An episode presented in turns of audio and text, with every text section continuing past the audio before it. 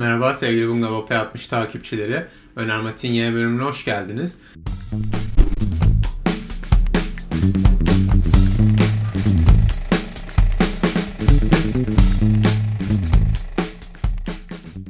Bugün size önermek istediğim film Little Miss Sunshine 2006 yapımı. Bir yol hikayesi ve komedi ve drama türlerinde bir film.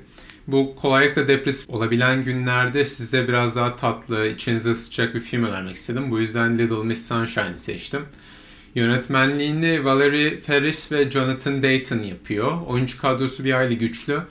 Abigail Breslin, Paul Dano, Alan Arkin, Steve Carell, Tony Collette ve Greg Kinnear başrolleri paylaşıyor. Filmin e, ödül sezonu da iyiydi.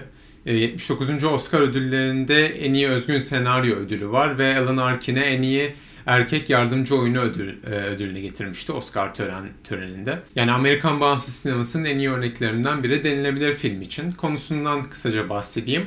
Hoover ailesinin Volkswagen T2 mikrobüs tipli otobüslerine doluşup küçük kızları Olive'i e, katılmaya hak kazandığı Little Miss Sunshine yarışmasına yetiştirmeye çalışmalarını ve yolda başlarına gelenleri konu ediniyor. Ya zaten yol hikayesi oldu mu filmler benim için e, nedense artı birle başlıyor. Ben çok seviyorum yol, iki, yol, yol hikayeleri izlemeyi. Bir de bunun gibi kaliteli ve eğlenceli olunca gerçekten ayrı bir keyifli oluyor. Türk, Türk sinemasından benzer bir örnek vermek gerekirse Cem Yılmaz'ın Hokkabaz filmine ben çok benzetiyorum bu filmi ki ona da bayılırım. Ee, tesadüfen aynı yılın filmleri ve filmi izleyince de aklımdaydı yani Little Miss Sunshine'ı. Sonra internete bakınca başkalarının da fark ettiğini gördüm.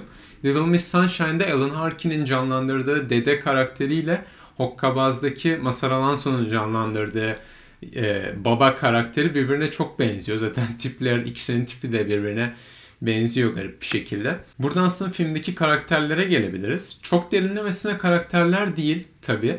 Hepsinin bir iki özelliği ön plana çıkıyor. Yani stereotipler diyebiliriz. Ama bir araya geldiklerinde bu özellikler inişli çıkışlı bir hikaye yaratıyorlar. O yüzden değerli buluyorum aralarındaki uyumu. Gerçekten iyi yazılmış bir senaryosu olduğunu söyleyebilirim ve iyi yaratılmış karakterler. Yani bu, bu sebepten hikayesi çok keyifle izleniyor bence filmin. Ben hiç hiç sıkılmadan izledim. Bir de afişine dikkat çekmek istiyorum. Bu dönemde çok kötü afişler görüyoruz. Ee, bundaki renk kullanımı ve filmden en önemli aslında sahneyi afişe koymaları bence çok hoş olmuş. Yani benim kısaca çok çok beğendiğim bir film. Ee, sizlere de öneririm. Özellikle bu karantina döneminde çok iyi gidiyor. İzlerseniz sevinirim. Yorumlarınızı aşağı bırakabilirsiniz. İzlediğiniz için teşekkürler. Görüşmek üzere. Where's Olive? Oh, no one gets left behind. No one gets left behind.